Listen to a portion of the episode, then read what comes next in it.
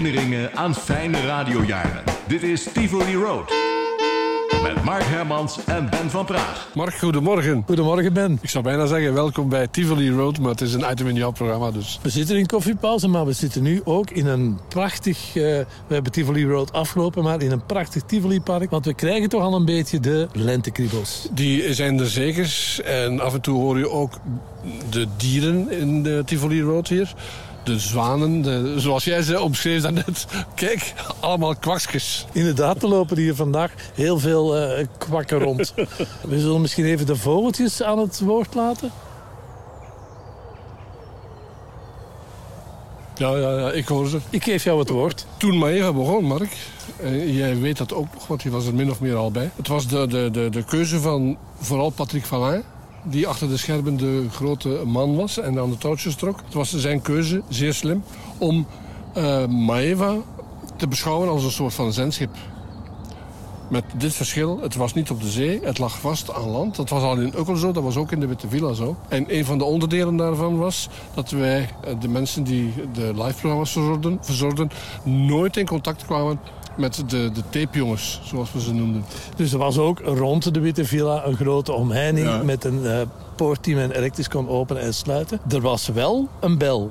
Er was een bel en dat hebben we geweten. Ja. En we hadden niet graag op zondagavond dat er werd aangebeld. Waarom? Omdat wij toen met onze luie botten in de sofa lagen in de Witte Villa eh, living. Jij, Arie en ik. Keken we naar Veronica? Wij waren een grote fan van eh, Dynasty. Inderdaad. En op een bepaalde zondagavond ging de bel.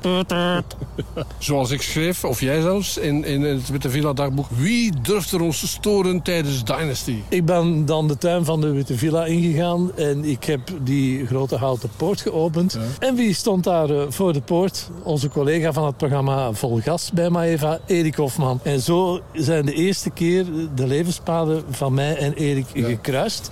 Want wat kwam hij doen? Hij kwam zijn eh, cassette brengen van zijn programma. En we zijn eh, die avond in de donkere tuin van de Witte Villa aan de praat geraakt over onze passie radio. En onze gezamenlijke passie voor de legendarische Radio Veronica, dat ondertussen een omroep was geworden. Waar wij naar keken om naar Dynasty te kunnen Ja. kijken. Ben ik met Erik aan de praat geraakt. En dat is ja tot de dag van vandaag een, eh, een band geworden die ons dikwijls altijd maar terugbrengt over Veronica. Want eh, dat eh, was onze passie. En dat bracht de juiste tijd op drie minuten over negen. Dames en heren, goedenavond.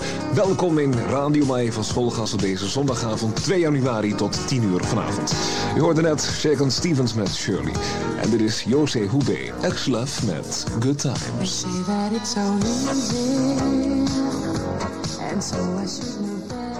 Jose Hoebe. Een van de ex-drielufjes. Met een mooie benen, weet wel. Om 6 over 9 op deze zondagavond. Met vanavond, zoals beloofd, om half tien precies. De jaarlijkse rubriek als het ware. Dan behandelen wij de vele kaartjes die we toegestuurd kregen via postbus 550. Met daarin de nieuwjaarwensen voor 1982 ons toegestuurd door de luisteraars. Hofman.